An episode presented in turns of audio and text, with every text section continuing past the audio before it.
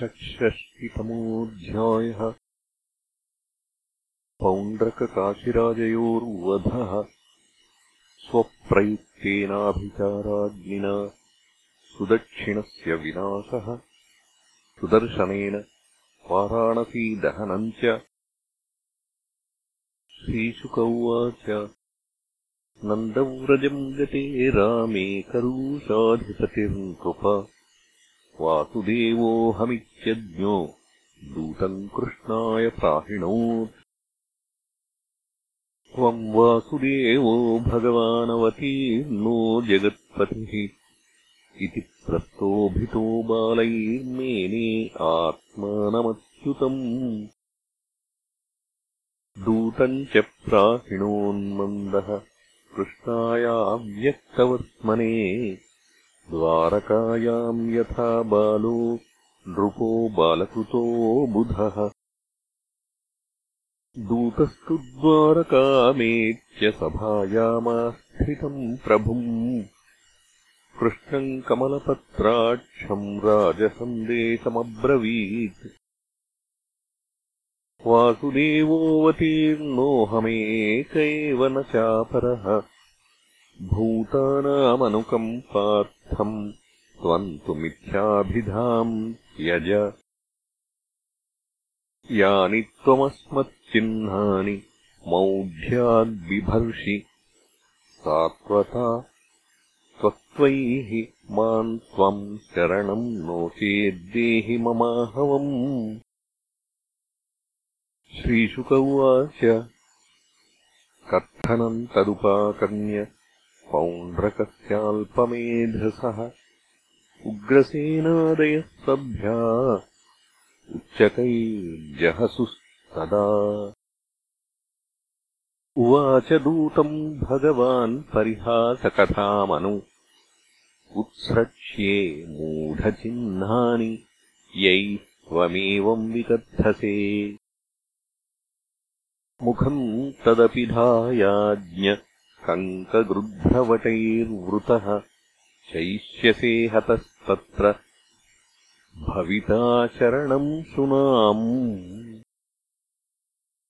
इति दूतस्तदाक्षेपम् स्वामिने सर्वमाहरत् कृष्णोऽपि रथमास्थाय काशीमुपजगामः।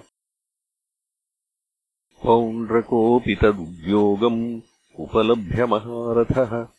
अक्षौहिणीभ्याम् संयुक्तो निश्चक्रामपुराद्रुतम् तस्य काशिपतिर्मित्रम् पार्ष्णिग्राहोऽन्वयान् नृप। अक्षौहिणीभिः तिसृभिः अपश्यत्पौण्ड्रकम् हरिः शङ्खार्यसि गदाशार्ङ्गश्रीवत्साद्युपलक्षितम् बिभ्राणम् कौस्तुभमणिम् वनमालाविभूषितम् कौशेयवाससी पीते वसानम् गरुडध्वजम् अमूल्यमौल्याभरणम् स्फुरन्मकरकुण्डलम् दृष्ट्वा तमात्मनस्तुल्यवेषम् कृत्रिममास्थितम् यथा नटम् रङ्गगतम् विजहासभृशम् हरिः। शूलैर्गदाभिः परिघैः शत्युष्टिप्रासतोमरैः असिभिः पटिशैर्बाणैः प्राहरन्नरयो हरिम् कृष्णस्तु तत्पौण्ड्रककाशिराजयोः बलम् गजस्यन्दनवादिपत्तिमत्। गदासिचक्रेषुभिरार्दयद्भृशम् यथा युगान्ते हुतभुक्पृथक्प्रजाः आयोधनम् तद्रथवाजिकुञ्जरद्विपत् खरोष्ट्रैररिणावखण्डितैः बभौ चितम् मोदवहम् मनस्विनाम् आक्रीडनम् भूतपतेरिवोल्बणम्। अथाह पौण्ड्रकम् शौरिर्भो भोः पौण्ड्रक यद्भवान् दूतवाक्येन मामाह वस्त्राण्युत्सृजामि ते।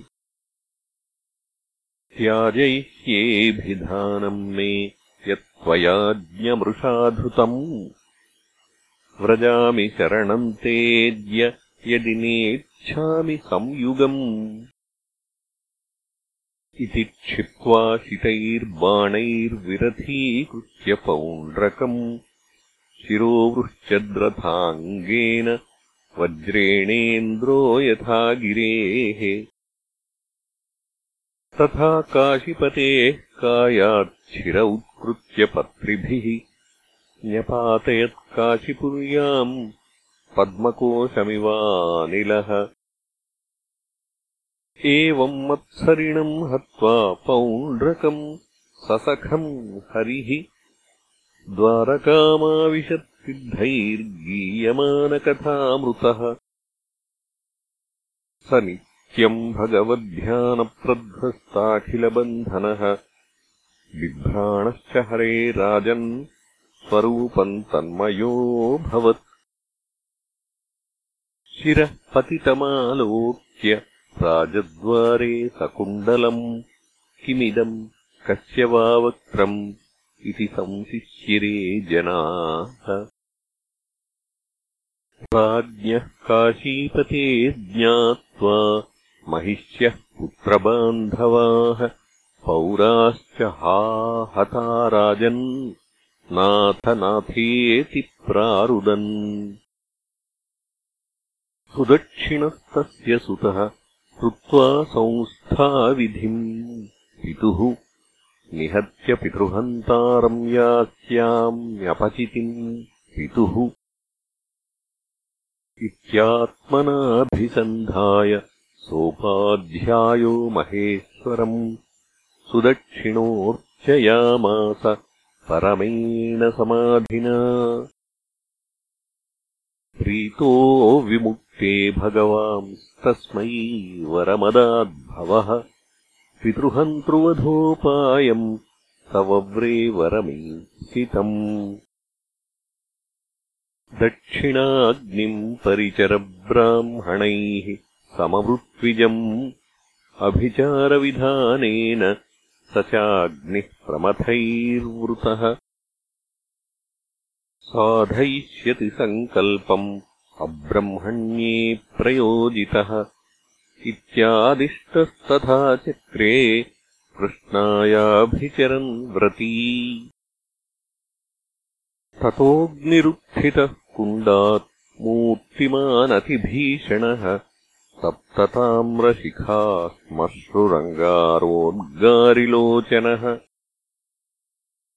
दंष्ट्रोग्रभ्रुकुटीदण्डकठोरास्यः स्वजिह्वया। आलिहन् सृक्किणी नग्नो विधुन्वौ ज्वलन्। पद्भ्याम् तालप्रमाणाभ्याम् कम्पयन्नवनीतलम् सोऽभ्यधावद्वृतो भूतैर्द्वारकाम् प्रदहन् दिशः। तमाभिचारदहनमायान्तम् द्वारकौकसः। विलोक्य तत्र सर्वे वनदाहे मृगायथा। अक्षैः सभायाम् क्रीडन्तम् भगवन्तम् भयातुराः त्राहि त्राहि त्रिलोकेश वह्ने प्रदहतः पुरम्। श्रुत्वा तज्जनवैक्लव्यम् दृष्ट्वा स्वानाम् च साध्वसम्। शरण्यः सम्प्रहस्याः माभैस्तेत्यवितास्म्यहम् सर्वस्यान्तर्बहिः साक्षी कृत्याम् माहेश्वरीम् विभुः विज्ञाय तद्विघातार्थम् पार्श्वस्थम् चक्रमादिशत् तत्सूर्यकोटिप्रतिमम् सुदर्शनम् जाज्वल्यमानम् प्रलयानलप्रभम् स्वतेजसाखम् ककुभोऽथ रोदसी चक्रम् मुकुन्दास्त्रमथाग्निमार्दयत् कृत्यानलः प्रतिहतः रथाङ्गपाणेः अस्त्रौजसा स नृपभग्नमुखो निवृत्तः। वाराणसीम् परिसमेत्य सुदक्षिणन्तम्। सत्त्विज्जनम् समदहत् स्वकृतोऽभिचारः। चक्रम् च विष्णोस्तदनुप्रविष्टम् वाराणसीम् साट्टसभालयापणाम् स गोपुराट्टालककोष्ठसङ्कुलाम् सकोशहस्त्यस्वरथान्नशालाम् दग्ध्वा वाराणसीम् सर्वाम् विष्णोश्चक्रम् सुदर्शनम् भूयः पार्श्वमुपातिष्ठत् कृष्णस्याक्लिष्टकर्मणः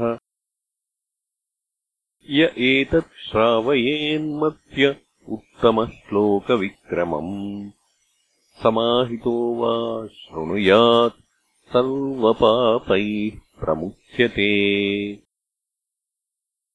इति श्रीमद्भागवते महापुराणे पारमहंस्याम् संहितायाम् दशमस्कन्धे उत्तरार्धे षट्षष्टितमोऽध्यायः